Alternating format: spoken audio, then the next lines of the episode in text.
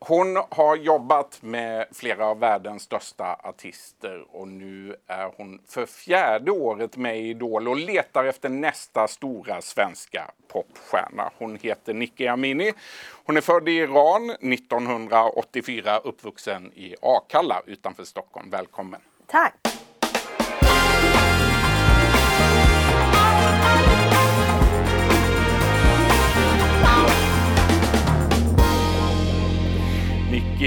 Först, hur var det att växa upp i Akalla? Eh, det var väldigt, väldigt härligt. Det var väl liksom i Akalla jag lärde mig att älska Sverige. Jag fick lära mig allt om alla traditioner. Ehm, jag gick i skolan där. Inga-Britt, min lågstadielärare, var min största idol. jag lyssnade varken på min stora syster eller mina föräldrar. Men Inga-Britt? Men Inga-Britt lyssnade jag på. Vad hade Inga-Britt som inte de andra lärarna hade? Jag vet inte. Inga-Britt var en väldigt härlig kvinna. Uh, och uh, jag antar, jag minns ju inte jätte, jag har inte så jättetydliga minnesbilder. Men jag vet bara att jag var väldigt förtjust i henne och kom alltid hem och sa Inga-Britt sa ditten och datten, Inga-Britt sa. Inga-Britt var din lågstadielärare. ja, precis. Mm. Nej men jag har haft det väldigt bra. Alla midsommarfiranden, valborg, julmarknader och sen så tillbringade jag ju somrarna i Akalaby där. Det finns en 4H-gård eh, som jag var och eh, tog hand om eh, djuren och så vidare. Så det är en väldigt härlig uppväxt måste jag säga. Din pappa han var musiklärare. Han ordnade också konserter i Berwaldhallen, bjöd hit artister från Iran bland ja. annat har jag förstått. Var det så ditt musikintresse uppstod? Ja, men nu i efterhand när jag klev in i Idoljuryn har jag fått den här frågan vid några tillfällen och då har jag varit tvungen att tänka tillbaks för att se vad det är som gjort att jag kanske också slutat upp i musikbranschen. Eh, men jag måste ju också faktiskt erkänna att jag alltid, så länge jag kan minnas, har tyckt väldigt mycket om att eh, sjunga för mig själv hemma. Bara hemma? Eh, ja, hemma. Jag har aldrig liksom dragit det till att jag skulle vilja vara med i en kör eller Inga ställa upp. Inga Nej, det är märkligt. Men eh, du vet, Absolute Music var ju väldigt stort när jag var liten. Och små så här singelutgåvor. Um, så gick jag alltid och köpte låtarna som jag tyckte väldigt mycket om. Och jag hade alla Absolute Music eh, alla CD-skivorna. CD det var CD-skivor då. Ja. Mm. Eh, och så sjöng jag med alla låtar. Men det är klart, från pappa. Eh, jag fick ju se honom i den miljön. Jag fick vara med på konserterna, ibland hjälpa till med att dela ut blommor i slutet på konserten till artisterna, kliva upp på scenen. Då var jag nervös, kommer jag ihåg. och när jag var lite äldre fick jag hjälpa till att sälja CD-skivor i pauserna och, och, och, så vidare. Och pappa ville ju jättegärna att jag och min stora syster skulle lära oss någon form av musikinstrument. Vad lärde du dig? Ja men det fanns ju den här kommunala musikskolan då i grundskolan, en timme i veckan. Eh, skulle jag lära mig spela gitarr. Inte så jättestort intresse för det. Pappa och jag tragglade på där och övade hemma och Tommy, musiklärare, kämpade på. Eh, men vi hade några konserter och så. Som jag, jag klarade av några ackord till slut. Ja, men snyggt. Ja, mm. du, eh, istället för musik då så valde du att plugga psykologi ja. vid eh, Stockholms universitet. Varför då? Ja, men jag, jag tror att eh, jag visste inte riktigt vad jag ville bli efter gymnasiet. Eh, det var lite oklart och jag tyckte att alla de här olika linjerna som fanns. De var ekonomlinjen, juristlinjen. Det var väldigt liksom uppspaltat och stelt. Eh, någonting som jag alltid tyckte om är att jag trivs i miljöer med mycket människor. Jag tycker om att interagera med folk och så. Psykologi fångade väl mitt intresse på så sätt. Eh, så då började jag studera psykologi. Eh, och det var ju genom psykologi som jag fick upp ögonen för marknadsföring och just kommunikation och PR. För det var ju yrken som jag ens inte visste existerade innan. Ja, just det, du hittade dem den vägen. Ja. Du har också drömt om att bli polis. Ja. Varför blev det inte så? Ja, men jag är än idag väldigt förtjust i polisyrket. Eh, jag vet inte vad det är, om det är spänningen, eh, det är Ja, men de, de gör ju någonting väldigt bra för samhället. Mm. Ehm, så än idag är jag väldigt förtjust men jag tog aldrig tag i det och jag tror att några gånger var jag rätt sugen på att söka in till Polishögskolan. Men jag tror att det var att jag intalade mig själv att jag aldrig skulle klara av fystesten. du, eh, Nicke Amini, det var tufft också några år eh, i slutet på högstadiet och mm. början på gymnasiet. Du drabbades av ätstörningar och du hade bestämt dig för att banta inför balen i nian. Vad minns du av den tiden? Ja, precis. Ehm, jag hade köpt en väldigt fin klänning som jag ville ha på mig till balen eh, och eh, jag var ju aldrig överviktig. Eh, men jag minns också att det var många andra eller flera andra tjejer i skolan och i klassen som bantade och jag ville också banta. Eh, det hade nästan blivit lite av en trend. Ehm, helt i onödan egentligen. Vi alla var välmående eh, och fina. Men jag började peta på maten och det ledde ju till slut till att jag fick en väldigt allvarlig ätstörning. Eh, och det här började i nian men det följde ju även med mig in på gymnasiet och första ring. Eh, och det gick ju så långt så att jag, jag gjorde allt för att undvika tillfällen som hade med mat att göra. Ehm, och jag ljög ju väldigt ofta och undanhöll sanningen om vad jag faktiskt hade ätit under dagen. Ehm, och mot slutet så åt jag kanske ett äpple om dagen. Och vägde väldigt, väldigt lite. Jag var väldigt undernärd. Vad vägde du som minst?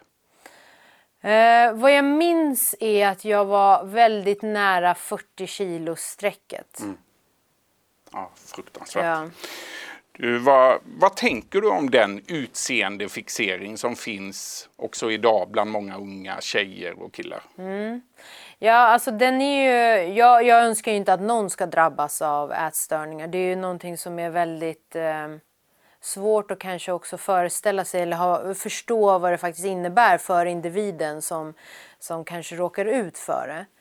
Eh, men för min del var det väl ett sätt... Alltså maten är ju det enda du egentligen själv kan kontrollera.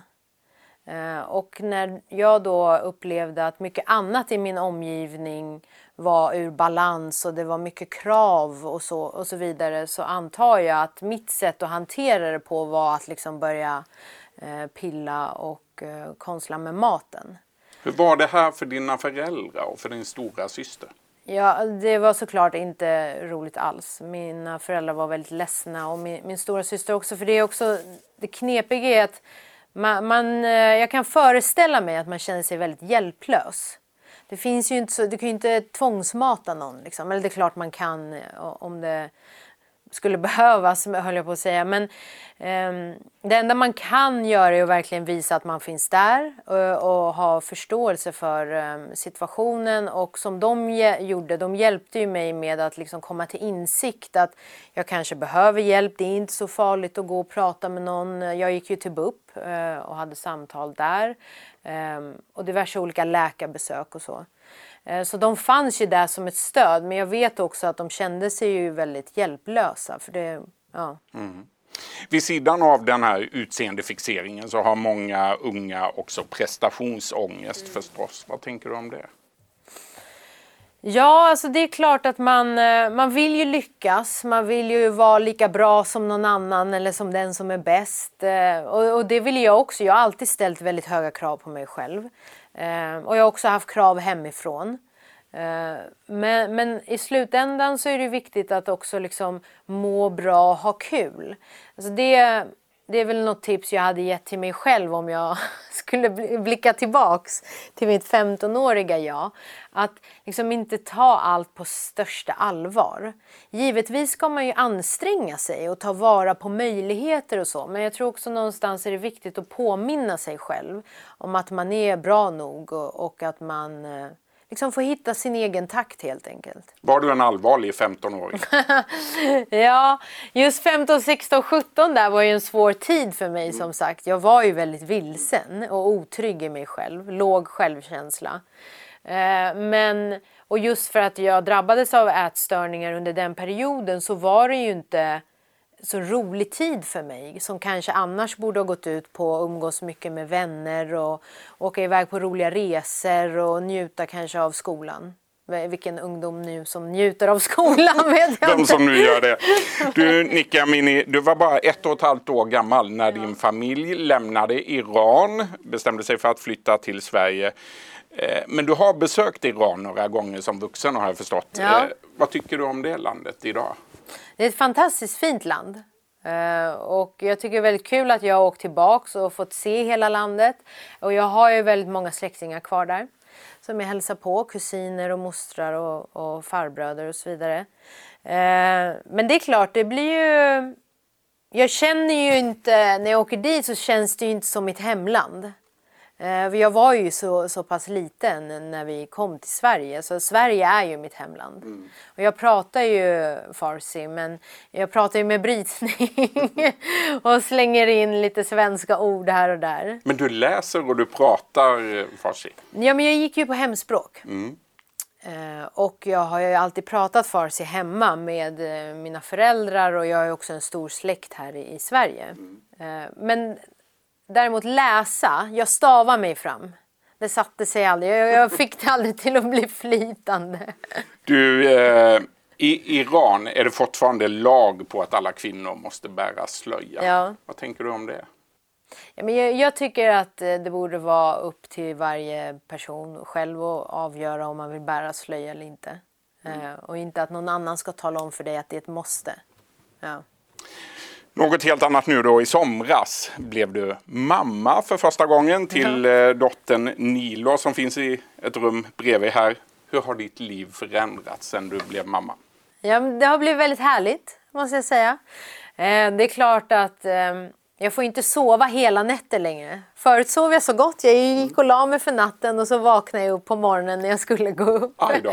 Men nu växer jag ju några gånger och det är klart att när man inte får en liksom o- oavbruten sömn så påverkas det ju. Men jag är samtidigt en morgonmänniska.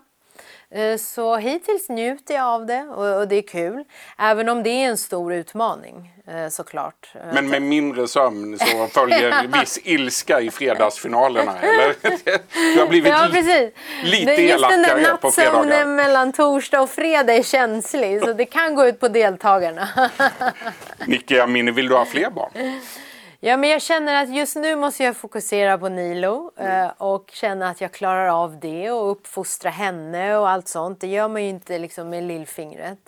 Ehm, så mitt fokus ligger där nu så får vi se vad som händer framöver. Imorgon är det veckofinal i Idol. Då ska ytterligare en artist röstas bort av tittarna. Vem får absolut inte försvinna i nästa program? Ja, den är, den är klurig. Eh, Jag gör ju alltid mina bedömningar baserat på kvällens prestation. Eh, Och jag tycker inte om att börja favoritisera för det kan svänga om man gör mig Har besviken. du gjort det under den här säsongen hittills? Ja, men jag och Kristoffer Hamberg, jag har ju varit väldigt förtjust i honom men nu de första två fredagsfinalerna har jag ju varit lite besviken. Så vi får se vad som händer framöver. Men jag tycker att de håller en väldigt bra nivå eh, och jag tycker det är väldigt kul att de är så eh, olika varandra. Eh, Så det blir ju väl, verkligen underhållande att se varje specifika framträdande. Det flyter inte ihop liksom för att alla är lite samma. Ni är fyra personer i juryn. Vem av er har sämst koll? Sämst koll? Jag tror vi har olika koll på olika saker. Ehm, tror jag. jag. Jag skulle nog ändå säga att jag är mest uppdaterad om man säger Du är så. mest uppdaterad. Vem är minst uppdaterad av er fyra? Eh, jag vet inte, jag tror Kirsti och Bagge får dela på den. ja. Du, vad är roligast då med det här uppdraget som eh, jurymedlem i Idol? Mm, det är faktiskt att få följa deltagarnas eh, utveckling. Eh, och jag, jag blir alltid väldigt imponerad av, av uh, unga människor som verkligen anstränger sig och jobbar så hårt för att uppfylla liksom, sin allra största dröm. Eh, så jag, jag känner mig så oerhört stolt också sen när de kliver upp på fredagen och, och gör ett jättefint framträdande. Eh, så det, det är det jag njuter av. Vem eller vilka av årets deltagare i Idol kommer vi att minnas eh, om fem år? eller att se om fem år som stora artister? Mm. Jag, jag, tror att det finns några stycken i årets startfält som absolut framöver kan ha en karriär. Eh, men det är ju det, Idol är ju liksom eh, en språngbräda in i eh, musikbranschen. Det är en plattform och det är en möjlighet att visa upp sin talang. Sen vad som händer därefter, det är ju delvis upp till personen, alltså artisten själv, men också det skivbolag man jobbar med. Säger Nicky Amini i denna intervjun. Stort tack för detta! Tack! tack själv! Du har lyssnat på en podcast från Expressen. Ansvarig utgivare är Klas Granström.